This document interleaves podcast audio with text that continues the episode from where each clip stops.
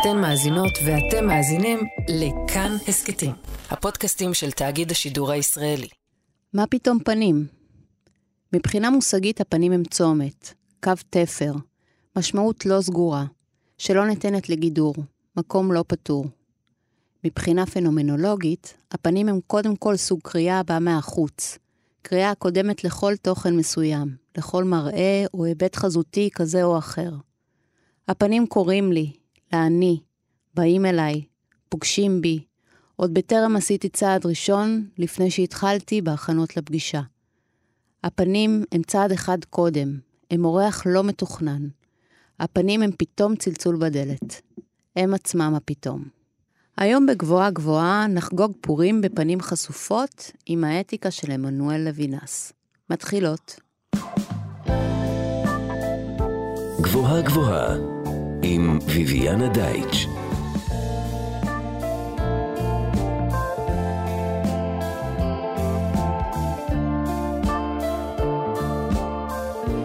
היי, אני ויviana דייטש, אנחנו על גבוהה גבוהה, תוכנית בה מדי שבוע ניקח פיסת מציאות אקטואלית ונפרק לה את הצורה הפילוסופית.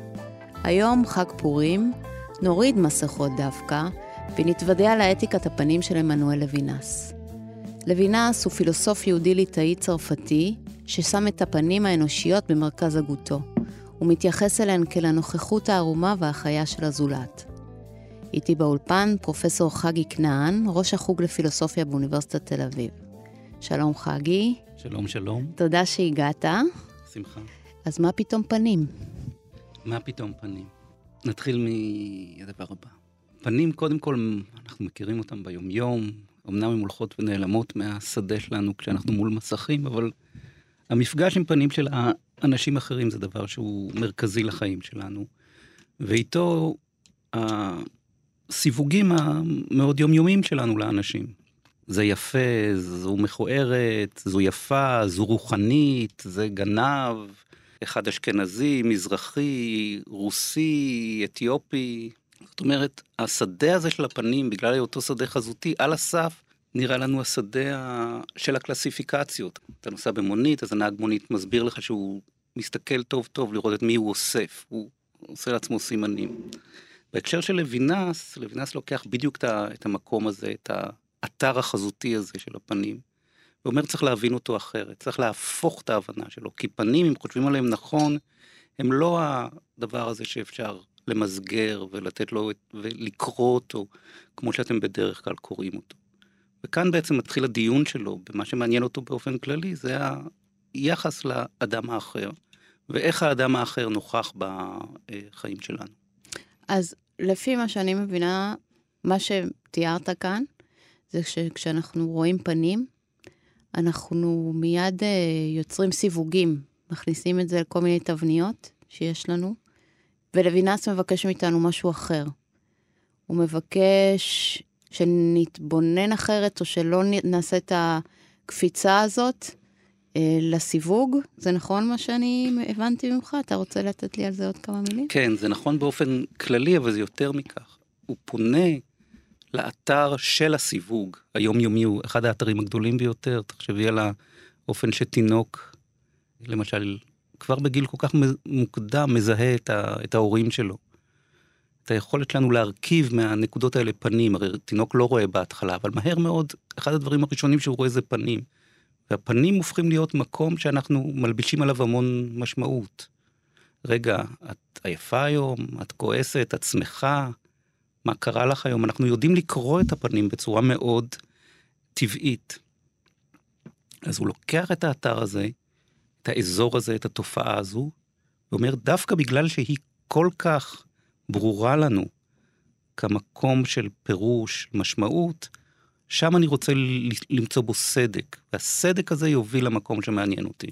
אז בוא נשאר שנייה עם המילה סדק. לוינס, באמת הכתיבה שלו היא יוצרת צדק. צדק בפילוסופיה שהוא מגיע ממנה, נכון? אז בוא תספר לנו, תמקם אותנו קצת בהקשר הזה.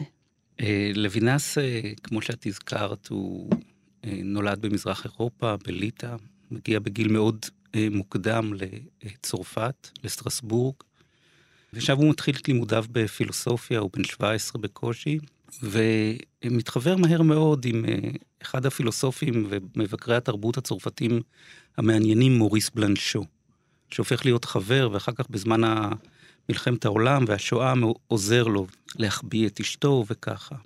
לוינס לומד פילוסופיה ומאוד מתרשם, כמו שהוא מספר בכתיבה היותר ביוגרפית שלו, מהאופן שהצרפתים קיבלו אותו כזר. אפרופו שאלות על לקבל את הזר היום בזמן המלחמה באוקראינה. כן. אז הצרפתים דווקא, שנחשבים לכל כך סנובים בהרבה מובנים, קיבלו אותו, והוא מודה על זה לכל חייו, על האופן שאימצו אותו ונתנו לו מקום. אבל הוא בכל זאת היהודי הנודד, ומהר מאוד הולך לחפש מורים בגרמניה. ובגרמניה בעצם יש אה, רגע של תחלופה בין שני פילוסופים מאוד גדולים. האחד הוא אדמונד הוסרל, פילוסוף ש... אה, שנחשב לאבי הזרם שנקרא פנומנולוגיה. כן. שאפשר יהיה לדבר על מה זה פנומנולוגיה, אם תרצי. בוא תגיד לנו. אז פנומנולוגיה מורכבת משתי מילים, שתי מילים מהיוונית העתיקה. המילה האחת היא פנומנום, שזה תופעה, והלוגיה, שאנחנו מכירים את זה מביולוגיה, הרבה אה, מילים אחרות שמסתיימות עם זה, באה מהמילה לוגוס. המילה לוגוס היא מילה יוונית מאוד משמעותית, ויש לה צומת של משמעויות, ממובן למשפט, לעיקרון, אפילו בהקשר מסוים לתיאוריה. יש אנשים שמבינים בפנומנולוגיה כתיאוריה של התופעות, אבל כל מי שעוסק בפנומנולוגיה לא חושב ככה. כי העיסוק הפנומנולוגי הוא לא בדיוק תיאורטי, הוא, לא מבק... הוא, הוא תיאורטי, אבל הוא לא מבקש להשיג איזו שיטה אה, נרחבת. הוא מצביע בעצם על הקשב הראשוני שיש לו לתופעות, לאיך הדברים מופיעים. זאת אומרת, עצם ההופעה של הדברים היא המהות שלהם. אין לדברים מהות מעבר לאופן שבו הם מופיעים. תופעה זה לא קליפה, כמו שהרבה פעמים חושבים במסורת, כי במסורת הפילוסופיה המערבית, הרבה פעמים ההבחנה הבסיסית זה בין איך דבר נראה לבין מהו באמת. והפנומנולוג הוא מי שמסרב לקבל את ההבחנה הזאת. הוא רוצה להגיד, הדבר הוא כפי שהוא מופיע, כמובן הוא מופיע בצורות שונות, באופנים, ברגעים שונים, בסיטואציות שונות. והוסרל מפתח את הרעיון הזה של הדבר שמופיע מתוך עצמו. הוסרל יש לו גם צדדים שהם מצד אחד קיומיים, אבל מצד שני מדעיים, ולכן השפיע על המאה ה-20, על הרבה מאוד אה, זרמים בעקבותיו. הוסרל היה, נולד יהודי, אבל המיר דתו לנצרות בגלל חוויה דתית, חוויה מיסטית. בסוף המאה ה-19 היה, טוב שלא היית יהודי, היית רצית משרה באוניברסיטה, אבל זו לא הייתה הסיבה של הוסרל. הוסרל היה באמת... אה, חווה סוג, חוויה. חווה חוויה והיה מחובר לנצרות. על כל פנים, הוסרל, כשלוינס מגיע לפרייבורג, בגרמניה, הוסרל כבר עומד על סף פרישה. איזה לו... שנה אנחנו מדברים? אנחנו מדברים על 27. אוקיי, 27. כן, okay. 26, 27. כן. אבל להוסרל יש כבר סוג של יורש. והיורש זה הכוכב הגדול ש... שעולה בשמי הפילוסופיה הגרמנית, שהייתה בהרבה מובנים פילוסופיה נאו-קנטיאנית, והיה תחושה בין הדור הצעיר שהיא לא הולכת לשום מקום, ולכן הפנומנולוגיה היה סוג של הבטחה לאן היא תלך. וההבטחה הגדולה הייתה באיש המיוחד והקשה והמרצה המאוד כריזמטי, זהו מרטין היידיגר. ומרטין היידיגר היה תלמידו של הוסר, לאסיסטנט שלו במשך הרבה שנים, אבל בשלב הזה כבר באיזו תקופה של התרחקות מהמורה שלו, ופיתוח המחשבה העצמאית שלו. וב-27 הוא מפרסם את הספר החשוב שלו, אה, הוויה וזמן. ספר שהיה מאוד משמעותי בפילוסופיה של המאה ה-20, אחד הספרים אולי הכי חשובים בפילוסופיה של המאה ה-20. ואנחנו רואים שיש לנו בלבן, בבלגיה, יש את ארכיון הוסרל, שם יש גם את העותק של הוויה וזמן, שהוסרל המורה קרא את התלמיד שלו. הוא כותב הערות בצד, הוא מאוד לא מרוצה מהמקום שהתלמיד שלו הולך אליו, הוא בעיקר חושב שהתלמיד שלו לוקח רעיונות שלו, אבל נותן להם איזה פאתוס חסר ביסוס או, או מניפולטיבי, ו... אבל היידיגר הוא אכן פילוסוף עם הרבה, הרבה פאתוס, לטוב ולרע, ולוינס בא ומתחיל לכתוב את עבודת התזה שלו על... מושג... דוקטורט? כן, על מושג האינטואיציה אצל אה, הוסרל, אבל תוך כדי שהוא כותב על הוסרל, והוסרל מקבל אותו מאוד יפה, הוסרל, כמו שאמרתי, על סף פרישה, מזמין אותו לסמינרים שלו, ויש איזה סוג של יחס אישי שאחר כך לוינס מאוד מודה עליו ומרגיש חוב להוסרל. בהרבה מאוד מקומות מציין שהוא למד המון מהוסרל, ובעצם הצורה שלו להשיב לו על החוב הזה, זה להפוך לפילוסוף עצמאי. אבל כבר שהוא לומד את, אצל הוסרל וכותב על הוסרל, הוא מבין שהכוכב הגדול מבחינתו זה היידיגר. והיידיגר הוא התקווה הלא משעממת מבחינתו, האפשרות לפרוץ, לעשות משהו חדש בפילוסופיה. כל הרעיון הזה של לפגוש את החדש, נורא חשוב לפילוסופים, איך... שאלה פיקנטרית. כן. להיידיגר בזמן הזה אין בעיה אה, עם יהדותו של לוינס? העניין היהודי הוא יותר אה, מאוחר? את שואלת את זה, אני מניח, בגלל שאנחנו יודעים שהיידיגר היה נאצי וחבר המפלגה הנאצית. נכון. ואני אומר על זה אולי קודם משהו, ואז אענה לשאלה שלך. למרות שהמוני תלמידים שלו שאנחנו מכירים הם אה, יהודים. לגמרי. גם חנה ארנדט. הרברט מרקוזה. כן. הפילוסוף. מספר פילוסופים נוספים מאוד טובים, וחנה ארנדט הייתה גם האהובה שלו, לא רק התלמידה נכון. שלו. בכל מקרה, לוינס בעצם לומד בגרמניה, חוזר לצרפת, מביא לצרפתים את הפנומנולוגיה, בעצם מביא גם את הוסרל וגם את היידיגר, ועסוק בלכתוב ספר על היידיגר. אבל אז מגיעה שנת 33, זה השנה שבעצם, אה, שהיטלר עולה לשלטון, ולוינס מבין שהיידיגר בעצם הולך עם היטלר. וכותב מאמר על ההיטלריזם של היידיגר, ושם בעצם ניתקות דרכיהם. זאת אומרת, לוינס עד סוף חייו חושב שהיידיגר הוא פילוסוף מאוד חשוב, ותכף אני אומר למה, אבל העובדה שהוא נאצי, הוא לא יכול לעסוק בפילוסוף אה, נאצי. עכשיו, לגבי היידיגר עצמו, היידיגר, יש היום הרבה דיונים והרבה אנשים אה, מוצאים לחמם ממה בדיוק, ה... איך להבין את החברות של היידיגר במפלגה הנאצית ואת האנטישמיות שלו. והאם הוא היה אנטישמי רגיל או לא רגיל, אנחנו יודעים שהיו לו הרבה אה, תלמידים, כמו שאמרתי, יהודים, היה לו הרבה אהבות נשים יהודיות, אז איך זה הולך בדיוק? ולאחרונה, בשנים האחרונות, פורסמו גם המחברות השחורות. עשינו באוניברסיטת תל אביב אה, כנס סביב זה, הזמנתי את העורך של המחברות השחורות, אה, פיטר טראבני. עד המחברות השחורות אמרו, כן, הוא היה נאצי, אבל הוא לא היה אנטישמי. אבל במחברות השחורות מסתבר שהיידיגר היה אנטישמי, אבל לא אנטישמי במובן הרגיל, אלא מה שאפשר לקרוא לו אנטישמי מטאפיזי. כלומר, היה לו איזו כן. תפיסת עולם מאוד רחבה, למה היהודים הם לא מתאימים לסדר האונתולוגי.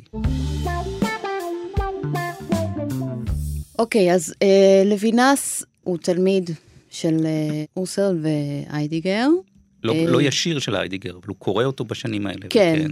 הוא מצד אחד ממשיך אותה, נכון. ומצד שני, כמו שאמרנו קודם, התייחסנו למילה סדק, הוא מחפש שם, בוא נגיד, אתיקה אחרת, או מסקנות אתיות שונות. אז בוא, בוא נתעכב רגע על הנקודה הזאת, תסביר לנו אותה. בסדר. לוינס חוזר לצרפת ומביא, מייבא את התחום הזה שנקרא פנומנולוגיה, ויחד איתה מתפתח בצרפת, בפרט על ידי ז'אן פול סארט, מה שנקרא אקזיסטנציאליזם. כן. אקזיסטנציאליזם, אפשר לחשוב עליו בכל מיני אופנים, בוודאי מכירה את הסיסמה הידועה שקיום קודם למהות. כן. קיום קודם למהות פירושו של להיות אדם ההיות הזה, הלהיות, mm-hmm. קודם לכל מה שאפשר להגיד עלייך. המה שלך. זאת אומרת, אני, את יושבת כרגע מולי, אני יכול לתאר אותך בהרבה צורות. יש הרבה עובדות שנכונות לגבייך, איך את לבושה, מה את חושבת, מה את מרגישה, מה הביוגרפיה שלך, מאיפה את באה, מה היחסים שלך עם אנשים, כל זה אפשר להגיד עלייך, אבל זה לא ימצה את הלהיות שלך או את הקיום שלך. כן. והחיפוש האקזיסטנציאליסטי הוא אחרי הקיום. Mm-hmm. כאשר הקיום הזה הוא קיום לא סנטימנטלי, ואין מחשבה שיש איזה תוכן פנימי שהוא את. אז השאלה איך לאפיין את הקיום החמקמק הזה של האנושי. האקזיסטנציאליזם עסוק בזה. ולוינס מבין וצומח מתוך העיסוק הזה, אבל הוא טוען שבסופו של דבר, למרות, למרות המרד הגדול של האקזיסטנציאליזם, במרכז המחשבה של האקזיסטנציאליזם נמצא האני. אמנם באיזה גרסה חדשה שלו, אבל זה האני שבמרכז, מה שנקרא האגו. והאקזיסטנציאליזם מבחינתו, כמו פילוסופיות קודמות, בעצם מקדשות את האגו. אז האקזיסטנציאליזם היא פילוסופיה, כמו פילוסופיות קודמות, אבל כאן יש איזו פרטנזיה לעשות משהו אחר. האקזיסטנציאליזם עסוק באיך להיות, המילה הגדולה של האקזיסטנציאליזם זה אותנטיות, נכון? מה זה אותנטיות? כן. אותנטיות זה עצמיות. איך להיות עצמי, איך להיות נאמן לעצמיות שלי בתוך מרחב שהוא מרחב של הסדר הציבורי. ולוינס אומר, זו שאלה מעניינת, אבל תשימו לב שיש לה מחיר. והמחיר שאנחנו שואלים את השאלה הזאת, שוכחים משהו הרבה יותר חשוב. והמשהו הרבה יותר חשוב הזה זה מה החובה שלנו לאדם האחר. לא לעצמי, אלא לאדם האחר. Mm-hmm. ובמובן הזה, לוינס מתרחק מהאקזיסטנציאליזם. החובה הזאת לאדם האחר, ההקשר האתי הזה, הוא קשור ביהדותו של לוינס? זה, זה גם uh, משהו שמשפיע שם? ללוינס הכתיבה שלו היא כתיבה מפוצלת. כן. הוא בדרך כלל שומר אותה בשני רגיסטרים שונים. אחד זה הכתיבה היהודית שלו, שאחר כך באה לידי ביטוי בקריאות תלמודיות, בחירות קשה, ויש את הכתיבה הפילוסופית פרופר שנמצאת בתוך המסורת הפילוסופית. אה, גם הממשיכים של לוינס ככה מתחלקים באופן הזה. כשהוא מדבר בשפה, נקרא לזה, הדתית יותר או היהודית, חשוב לו בהחלט לקשר את, ה, את הצו האתי למה שקורה ביהדות, בחש, בחשיבות לשמור ולהגן על היתום, הגר והאלמנה ודברים מהסוג הזה. אבל חשוב לו גם, אני חושב, נקודת המוצא היא נקודת מוצא פילוסופית קודם כל. אני אשאל אותך ככה. אמרנו שלוינס, הוא רוצה להחדיר אתיקה במחשבה האקזיסטנציאליסטית, או הפנומנולוגית, שלצאת מהאגו ולפגוש את האחר. אז שם אני מבינה איך הוא פועל, תכף נבין טיפה יותר לעומק, בתוך המסורת שהוא מגיע ממנה, מה הוא רוצה לעשות בה. אני שואלת שוב, okay. כן. מה פתאום פנים? אוקיי. Okay. לצורך העניין, כשנתת דוגמה על תינוק, אני חשבתי תוך כדי שזה לא רק הראייה, זה גם התחושה, זה גם, זה גם, אז מה פתאום פנים? נקודת המוצא למחשבה של לוינס, לאתיקה שלו, וכאן בא הייחוד שלו כפילוסוף וכמי שעושה אתיקה, היא הדרישה לקשב לפנים של האדם האחר. זאת אומרת, הפנים של האדם האחר קוראות אותך לחובה. תכף נסביר את זה. אבל במה זה שונה מאתיקה במובן הרחב? אתיקה במובן הרחב, כשאת רוצה להסביר למה את צריכה להיות אתית, או מה את חייבת לאנשים אחרים, אז את מנסה לעגן את זה באיזושהי הבנה כללית של המציאות, מה את חייבת לעצמך, מה את חייבת לסביבה, למה את בכלל חייבת משהו. ויותר מכך, אם את פוגשת אנשים ספציפיים, את רוצה לדעת מי הם, מה הם, אם יש איזה קפיטליסט חזירי שלא רואה אף אחד ממטר, את הרבה פעמים תרצי לומר, לא חייבת לו כלום. אולי הוא חייב לי. או מי שמתנהג אלייך לא יפה, לא תרצי להגיד שאת חייבת לו. כאילו יש סט אה, חוקים חיצוני לה, להתרחשות. יש סט חוקים שבמסגרתו את מנסה להבין מה זה החובה לזולת. שבמסגרתו את מנסה לאפיין את החובה לזולת. למשל, את נגיד מאמינה בזכויות. כן. או אז את אומרת, בוא נראה, אם מהאדם הזה שללו את זכויותיו, אני חושבת שצריכים להחזיר לו את זכויותיו, או או למקם אותו באופן שיהיה לו זכויות. עכשיו, ללוינס אין בכלל דיבור מהסוג הזה. כי כל הדיבור מהסוג הזה הוא דיבור שבצדק אתה צריך לדעת משהו על הזולת. לדעת, להכיר אותו, להבין את הסיטואציה שלו, איך אחרת תפעל באופן אתי אם לא תבין מי עומד מולך. כן. עכשיו, לוינס יש משהו מאוד מוזר בהקשר הזה. הוא כמעט לא רוצה לדעת דבר על מי שעומד מולו. הוא רוצה שהאדם שמולו ייהנה מהחסד של אי הידיעה. למה? כי האדם שמולו מגלם אחרות, ייחודיות, שאין שני לה. כשאנחנו נפגשים עכשיו, נגיד, ומדברים, אז אנחנו נפגשים כשני אנשים, גבר, אישה, בהקשר של, ה, של כאן, של התוכנית, אנחנו, יש לנו הרבה מאוד מערכות לפירוש היחסים שנוצרים כאן. אבל היחסים האלה מסתירים, לפי לוינס, את האחרות המוחלטת של כל אחד מאיתנו. כזאת שאי אפשר לבנות גשר בינה לבין השני.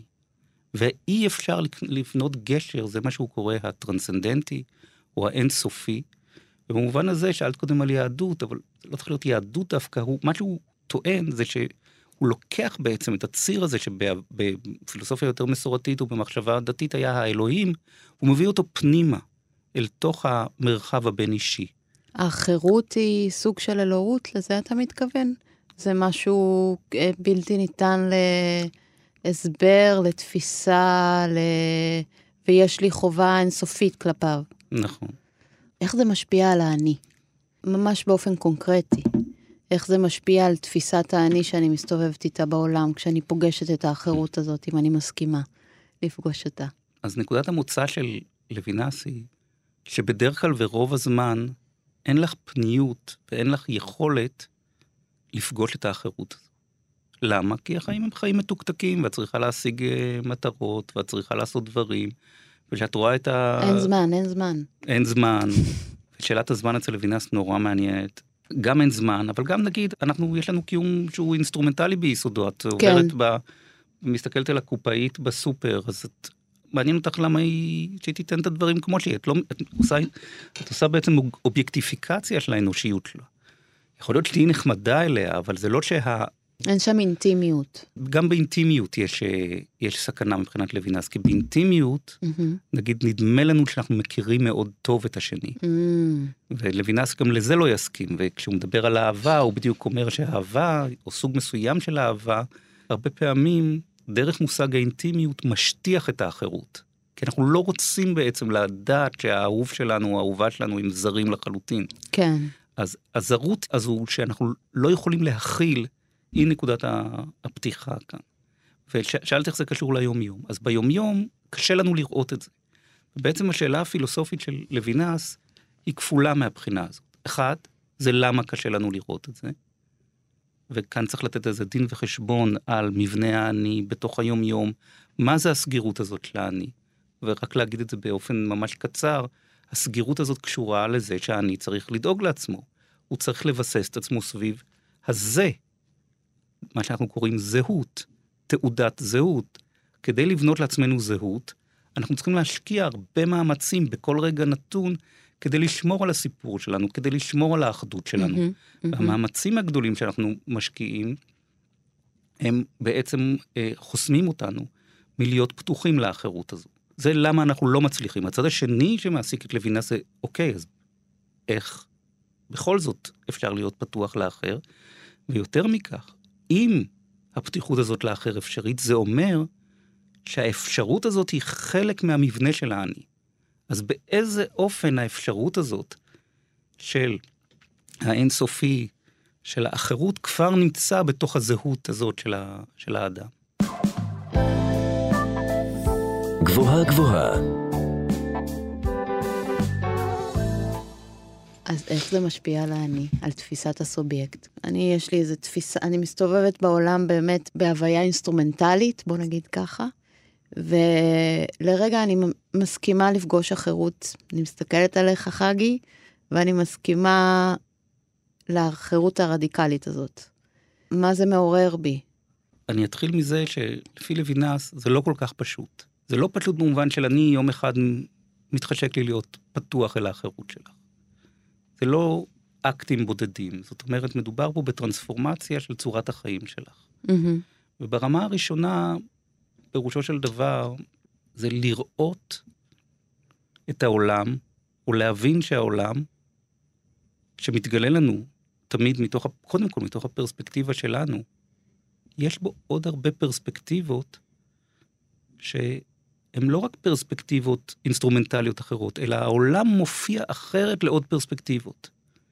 נגיד, זה לפעמים... זה, זה נשמע ממש כאילו העולם מתעורר לחיים. נכון, יש בזה הרבה, הרבה חיות, ו- כן. וזה משהו מאוד מרגש ב- כן. בחיות הזו. כן. אבל את מבינה, נגיד, האדם, האדם יכול להגיד, אני נוהג בכביש, ודאי שאני אה, רגיש לעוד כן. פרספקטיבות, כי יש עוד נהגים, אז אני... לא, לא לזה הכוונה. הכוונה היא שכל העולם כולו הוא עולמו גם של מישהו אחר, מן היסוד. השאלה מה זה אומר, מה זה מחייב אותנו. אצל לוינס, ההופעה של האחר היא קודם כל במה שהוא קורא קריאה או פנייה.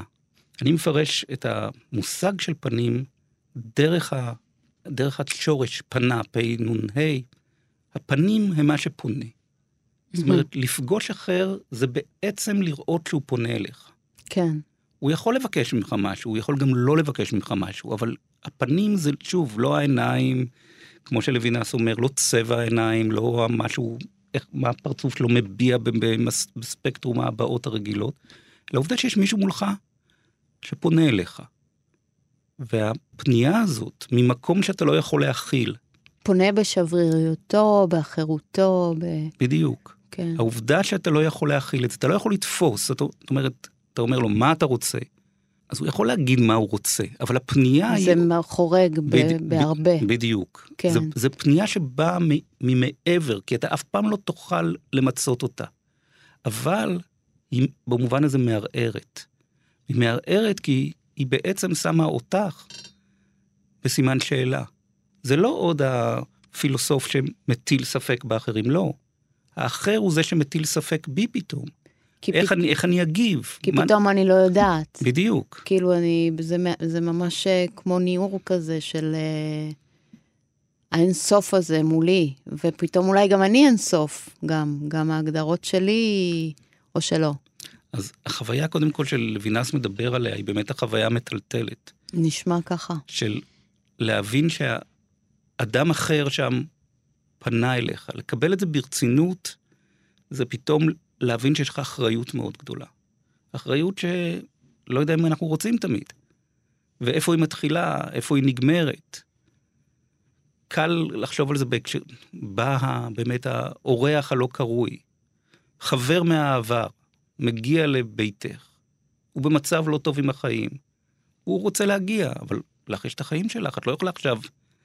מה תעשי בתוך הדילמה הזו? כן, או, ש... או לגמרי איש זר, אבל הרעיון שהזרות הזאת פתאום מגיעה אלייך הביתה, והרעיון של בית, אני חושב, הוא מרכזי גם ל... ללוינס עצמו, המבנה של הבית. אנחנו חיים קצת, הסובייקט, האני חי כמו בית. יש לו חלונות, יש לו דלת, אבל הוא יכול להתכנס פנימה. הוא יצר לעצמו עבודה, אז יש שביל נחמד שהוא מכיר ויכול ללכת בו, והוא חוזר הביתה והולך הביתה. כן עונה לטלפון הזה, לא עונה בדיוק, לטלפון הזה. בדיוק. בתוך הבית, וכמובן שבתוך העולם הטכנולוגי העכשווי זה עוד יותר קל, אף אחד כן. לא מדבר כבר בטלפון, כן. אתה עונה מתי שאתה אני רוצה, אענה מחר, אני כן. אענה מחר, הכל בכתב כן. וכולי. אותו דבר גם אפרופו זה שאתה הולך, ל, לא יודע, ל- לאנשים שלכאורה אמורים לעזור לך, ל- לרופא, והוא במקום לדבר איתך, הוא עסוק במ- במחשב שלו, הוא גם כן. סגור בתוך ה- כן. המרחבים שלו. אז השאלה היא מה זאת אומרת להיות בצורה הכי פשוטה, מה זה אומר להיות פתוח לזולת, למי שלגמרי שונה ממך. זה נשמע כאילו זה אפילו ממוסס את הסובייקטיביות הזאת. נכון. זה ממש כאילו מין חוויה כזאת, זה נשמע. מיסטית כמעט. ללוינס חשוב לומר שהוא לא מיסטיקן. כן, אבל ככה זה... בסדר, זה לא חוויה של התמוססות ו- והתאחדות עם האל או עם האינסופי. לא, לא, לא. לא, זה דווקא חוויה של טלטול ושל שבר, ושל איך אני ממשיך את חיי ככה. וגם אולי הרבה פעמים הבנה, לא צריך להיות, אה, כלומר, לא, לא צריך לעשות מזה אידיאליזציה. כי אנחנו יודעים, להרבה אנשים יש צרות, אבל אתה לא יכול לעזור לכולם, אז איפה אתה מוצא מקום לעצמך? וגם את רוצה להמשיך לשמור על האני שלך, נכון?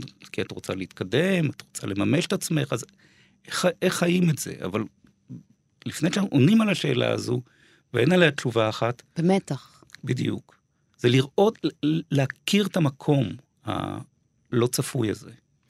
והאחר מעורר, הוא קורא לי, וההיענות מחייבת משהו? חוץ מלהיות ברגע שבו זה קורה.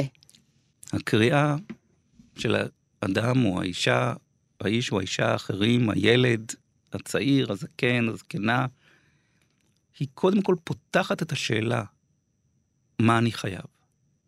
לפני שהיא אומרת, אתה חייב משהו, א', ב', ג', אתה לא יודע מה אתה חייב, אבל אתה מבין שפתאום נפתח מרחב של מחויבות, ובעצם מרחב שבו המילים אני יכול ולא יכול משנות את המשמעות שלהם. את נוסעת בכביש, באיזה, כן, בכביש מהיר, ופתאום רואה כלב חוצה את הכביש. כן. אני מרחיב את זה לחיות. מה בעצם מפריע לך לדרוס אותו? אבל את רוצה להגיד, אני לא יכולה או ילד, או איש, או אף אחד לא ידע, אני לא יכולה. למה את אומרת אני לא יכולה? כמובן שאני לא יכולה זה על רקע של את כן יכולה. אנחנו יכולים להיות אלימים, אנחנו יכולים לא, שלא לראות אף אחד ממטר. אבל בעצם המרחב הזה הוא המרחב של אני לא יכול, שנוצר, שהוא חסר תוקף עובדתי. זה בדיוק המרחב המוסרי שנפתח כאן, או המרחב האתי, של עשה ואל תעשה, לא במובן הספציפי ולא במובן שיש לזה עיגון עובדתי. אני יכול לרצוח. כל האל תרצח עומד על רקע האפשרות שלי לרצוח, בכל המובנים.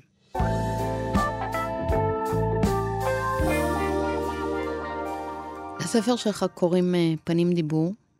אתה כותב, הפנים מדברות, הן מדברות במובן שהפנים מאפשרות כל דיבור, ומהן הוא נפתח. קודם כל, לוינס כן יש אמירה מהסוג של הפנים עם המילה הראשונה. כן. לפני שכתבתי את הספר על אה, לוינס, כתבתי ספר שכתבתי אותו באנגלית, שנקרא The Present Personal, האישי הנוכח. Mm-hmm. ומאוד עניין אותי השאלה הזו, מה זה להקשיב לאדם האחר? למה השאלה מעניינת? כי כשאנחנו מדברים, השפה שלנו היא שפה של תבניות. את אומרת אני אוהבת את זה, ואני אומר אני אוהב את זה, אבל המילה אני מורה כל אחד על משהו אחר. כל אחד מבין את המילה אוהב אחרת, אז באיזה אופן אני יכול להקשיב לך, אם לא באיזה אופן של תקשורת אה, המשותפת והמצומצמת ביותר של אינפורמציה, כמו תעביר את הכוס מפה לפה, אתה רוצה קפה, לא רוצה קפה. מה זה להקשיב? בעצם זו השאלה שעניינה אותי אז. אני חייב להגיד שאז לא הכרתי טוב את לוינס, ואפילו ביקרתי אותו, עשיתי לו ביקורת שהוא לא מבין את הרעיון הזה עד הסוף. אחר כך ראיתי שאני טועה והוא מבין את זה. איזה רעיון הוא לא מבין עד הסוף? הוא לא מבין את הרעיון הזה של הסינגולריות של השני בתוך השפה, וכמובן שבהקשר הזה טעיתי. לא, אני לא מתייחס אליו כמעט בספר, יש לי איזה אזכור אחד. על כל פנים, ההבדל שאותי מעניין, שקשה לשים עליו את האצבע, זה ההבדל בין להקשיב, וכאן צריכה להקשיב טוב למשל, לניואנס, להקשיב למה שאת אומרת, mm-hmm. לבין להקשיב למה שאת אומרת. בוא תגיד לי את זה שוב, להקשיב למה? שאת אומרת, לבין להקשיב למה שאת אומרת. אוקיי. פעם אחת הדגש הוא על המה. כן, ופעם אחת עליי. עלייך. כן. זאת אומרת, השאלה שאז עניינה אותי זה באיזה אופן אנחנו נוכחים בתוך השפה שלנו, שהיא עצמה שפה משותפת, אפשרויות לוגיות משותפות, הבנה משותפת. כלומר, יש פה שני סוגים של החירות. נכון. גם במה וגם בתפיסה של האדם שאתה מדבר מולו. לא, המה בדרך כלל זה הדבר המשותף. הוא משותף, אבל החוויה שלו יכולה בדיוק. להיות מאוד שונה. בגלל כן. האתה או האט שנמצאים נכון, בו. נכון, נכון. אז באיזה אופן אפשר לשמוע במילים אחרות את השפה, את כן. האדם האחר בתוך השפה שלו. כן. ולשמוע כמובן את המובן הרחב של להבין אותו. כן. אני זוכר פעם, כשחייתי בארצות הברית, הייתה לי ידידה שסיפרה לי על מות אביה. וכשהיא דיברה על כך, היא חייכה. והיה לה חיוך קצת מטופש. ולא הבנתי, אני זוכר את עצמי ברגע הזה, גם הייתי אדם צעיר. למה היא מחייכת את החיוך המטופש הזה כשהיא מספרת על אביה? ו... ומתישהו נפל לי האסימון שהיא בעצם בוכה. וההיפוך הזה הוא היפוך שבעצם אתה מבין שמה שנראה כלפי חוץ, בשפה, בהתנהגות שלנו, הרבה פעמים, אם חושבים עליו מהזווית או מהפרספקטיבה של האדם האחר, זה משהו אחר. ככה היא בוכה עם החיוך האווילי הזה.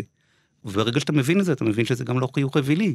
לך, שלא ידעת ואתה לא מכיר, זה נראה כמו חיוך, אבל זה בכלל לא כן. חיוך. אז אותו דבר בתוך השפה.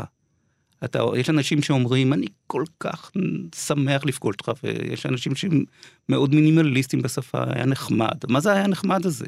מה זה כולל בדיוק? כן. איך להקשיב בתוך השפה לבלתי נאמר הזה? אז זה דבר mm-hmm. שעניין אותי, ומשם, אפרופו, שואלת אותי על לוינס, הגעתי ללוינס, mm-hmm. ולוינס זה מחובר, באמת, למפגש עם הפנים. כלומר, הדיבור והפנים הולך יחד, ולכן בניתי את המילה האחת הזאת, פנים איך, דיבור. איך הם הולכים יחד? בוא, תן לנו את המהלך.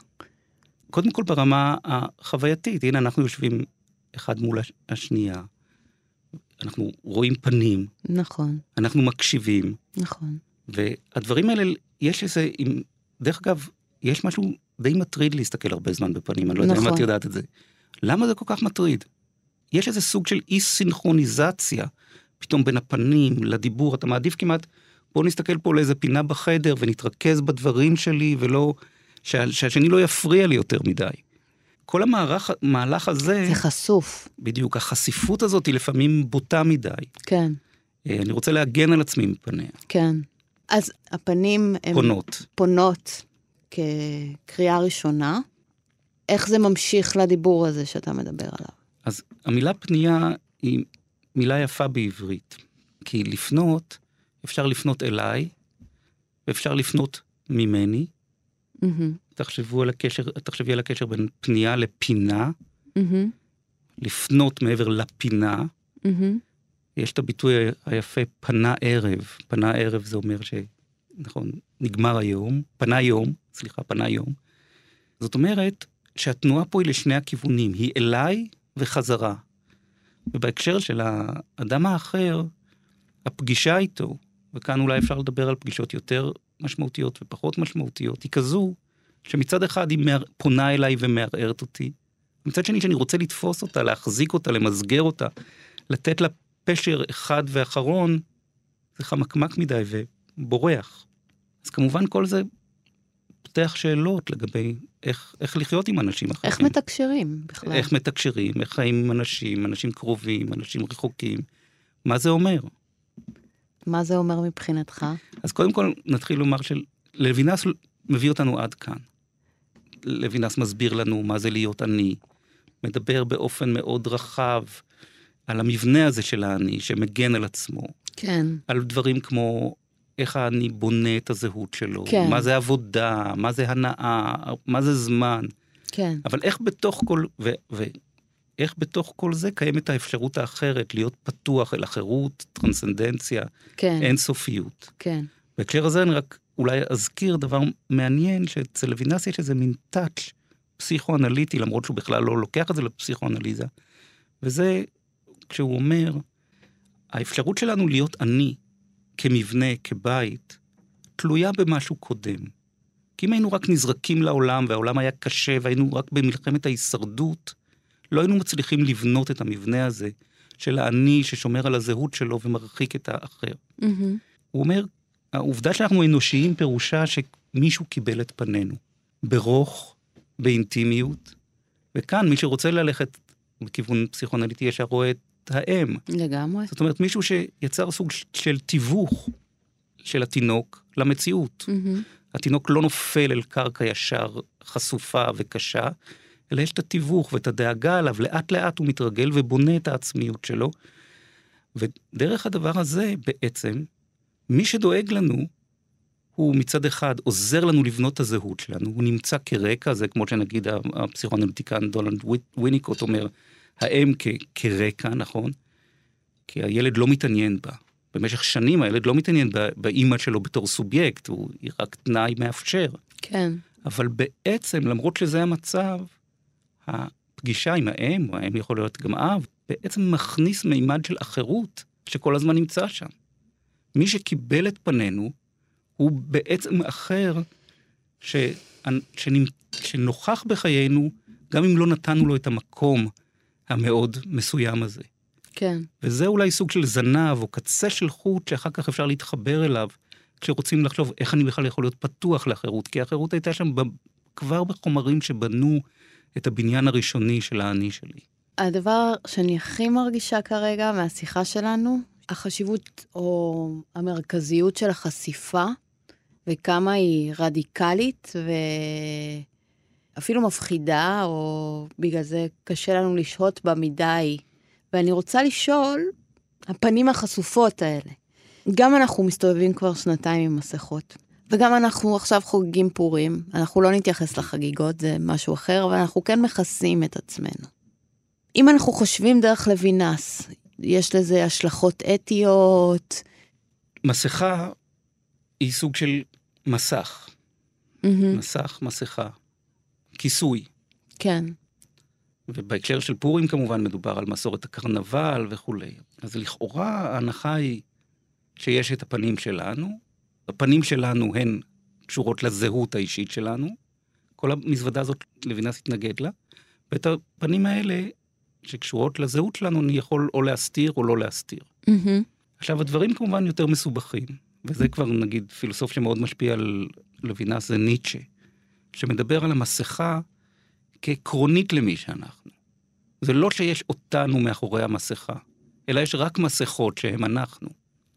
עכשיו, לזה לו, לוינס יסכים, אבל כמו שאמרנו, לוינס לא חושב על הפנים דרך המסך או המשטח החזותי, זה לא הפנים. זאת אומרת, אפשר, הייתי משתמש בכל הרעיון של המסכה כדי להגיד, זה עוזר לנו לראות לאן לוינס הולך מבינה. כדי לפנות ממנו. לוינס שוב יגיד, מה שמעניין אותי זה החירות, שהיא היא החירות... מבצבצת שם בכל מקרה. בדיוק.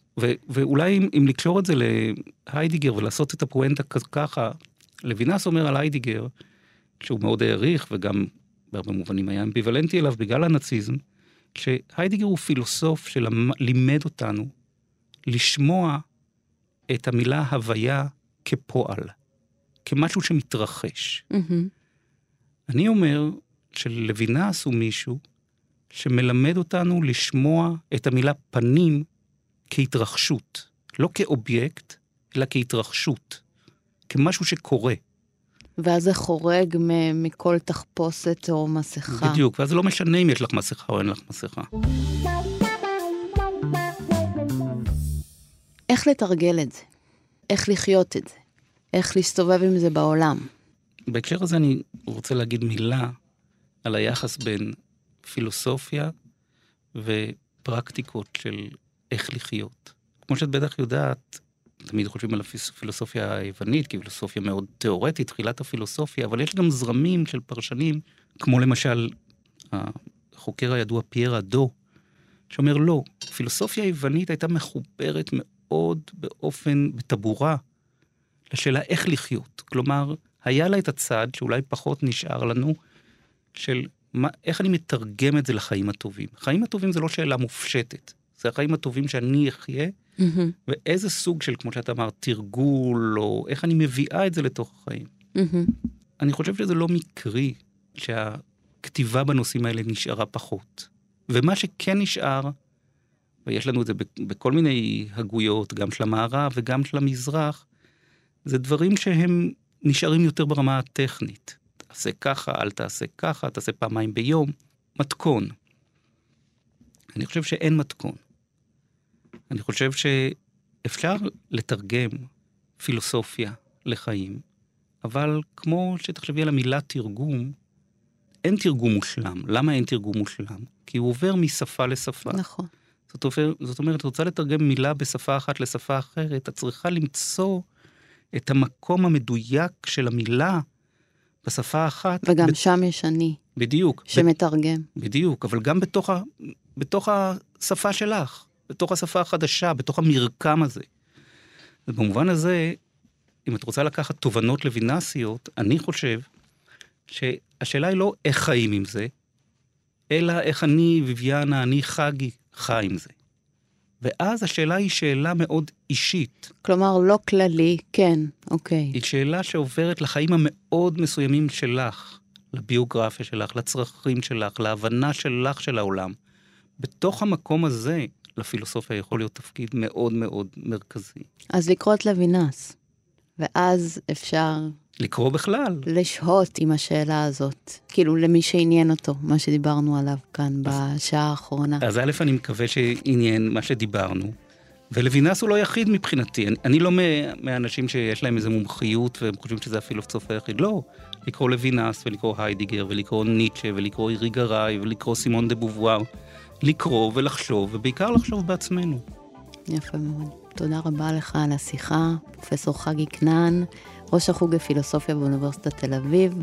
כיף גדול שהגעת. היה כיף להיות. אני ביביאנה דייטש, תודה רבה ליובל יסוד, טכנאי השידור שלנו כאן באולפן. אני מבקשת לאחל לכם חג פורים שמח ולהזכיר לכם שאת כל הפרקים של גבוהה גבוהה אפשר לשמוע ביישומון או באתר של כאן, או בכל אפליקציה שבה אתן נוהגות ונוהגים להאזין להסכתים. אני מקווה שנהניתם והחכמתן. תודה רבה, ואנחנו נשתמע במחשבה הבאה.